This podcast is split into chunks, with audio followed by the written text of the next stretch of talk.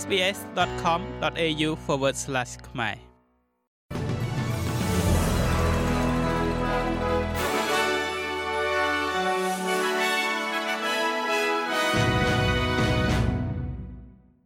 សូមស្វាគមន៍មកកាន់នេតិព័ត៌មានខ្លីៗរបស់ SBS ខ្មែរសម្រាប់ថ្ងៃច័ន្ទទី22ខែមករាឆ្នាំ2024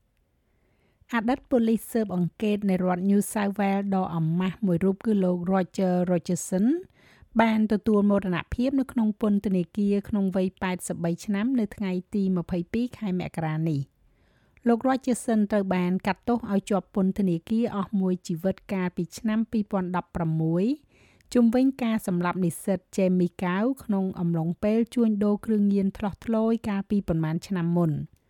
ប៉ុន្តែការធ្លាក់ចុះនៃកេរ្តិ៍ឈ្មោះរបស់លោកបានចាប់ផ្ដើមនៅក្នុងទសវត្សរ៍ឆ្នាំ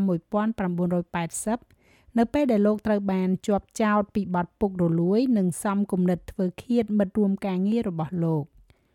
លោក Roger Rogerson ត្រូវបានបណ្តេញចេញពីមន្ត្រីប៉ូលីសរដ្ឋ New South Wales ក្នុងឆ្នាំ1986ពីបទប្រព្រឹត្តខុសបន្ទាប់ពីប្រាក់ចំនួន110,000ដុល្លារត្រូវបានផ្ទេរចូលទៅក្នុងគណនីរបស់លោកក្រោមឈ្មោះคล้ายៗ លោកត្រូវបានគេផ្លាស់ចេញពីពន្ធនាគារ Long Bay ទៅកាន់មន្ទីរពេទ្យ Prince of Wales នៃទីក្រុង Sydney កាលពីថ្ងៃប្រហ័សសប្តាហ៍មុន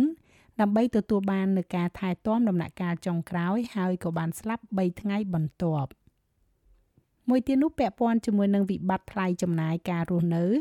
ដែលក្រុមអ្នកនយោបាយកំពុងតែប្រញាប់ប្រញាល់ទៅកាន់ទីក្រុង Canberra បន្ទាប់ពីការអំពាវនាវរបស់លោកនាយករដ្ឋមន្ត្រី Anthony Albanese ឲ្យមានកិច្ចប្រជុំក្នុងបក2សប្តាហ៍មុនពេលសភាចាប់ផ្ដើមកិច្ចប្រជុំឡើងវិញ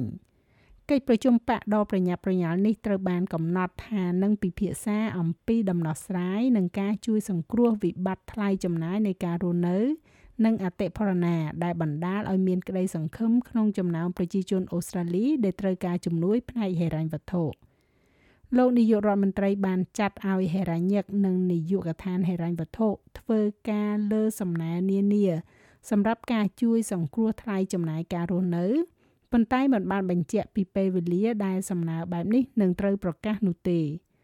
សមាជិកបក National លោក Barnaby Joy បានប្រាប់ទូរទស្សន៍ប៉ុស្តិ៍លេខ7ក្នុងកម្មវិធី Sunrise ថាកិច្ចប្រជុំនេះគឺមិនលើសពីពានរង្វាន់បណ្ឌិតសភានយោបាយសម្រាប់រដ្ឋាភិបាលបក Labor នោះឡើយ។ ចុងក្រោយនេះពាក់ព័ន្ធជាមួយនឹងកិច្ចព្រមព្រៀងឧស្ម័នដែលរដ្ឋមន្ត្រីធម្មពលលោក Chris Bowen មានប្រសាសន៍ថាស្ថានីយអគិសនីប្រើដោយឧស្ម័ន gas អាចមានឥន្ធនៈគ្រប់គ្រាន់ដើម្បីផ្ដល់ធម្មពលអគិសនីដល់តំបន់ឆ្នេរសមុទ្រភាគខាងកើតរបស់ប្រទេសអូស្ត្រាលី សម្រាប់រយៈពេល2ឆ្នាំខាងមុខខណៈដែលលោកបានប្រកាសថារដ្ឋាភិបាលបានចូលរួមក្នុងកិច្ចព្រមព្រៀងផ្គត់ផ្គង់ចំនួន2 លោកបូវិននិយាយថារដ្ឋាភិបាលបានចូលទៅក្នុងកិច្ចសន្យាផ្គត់ផ្គង់ដែលអាចអនុវត្តបានចំនួន2ជាមួយនឹងក្រុមហ៊ុនអូស្មានយ៉ាអេសូនិង Woodside ដែលបណ្ដាលឲ្យមានធម្មពលច្រើនជាង 260 PJ នៅចន្លោះពេលនេះដល់ឆ្នាំ2033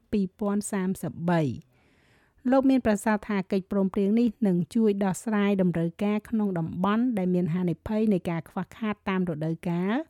និងជាផ្នែកមួយនៃការធានាថាតម្លៃឧស្ម័ននៅតែធ្លាក់ទាបសម្រាប់ប្រជាជនអូស្ត្រាលីក្រុមប្រឹក្សាអាកាសធាតុក៏ដូចជាអ្នកបរិស្ថាននិយាយថាការទាញយកនិងកែច្នៃធនធាននេះ កំពុងជំរុញដល់ការបញ្ចេញឧស្ម័នពុលខ្ពស់របស់ប្រទេសអូស្ត្រាលី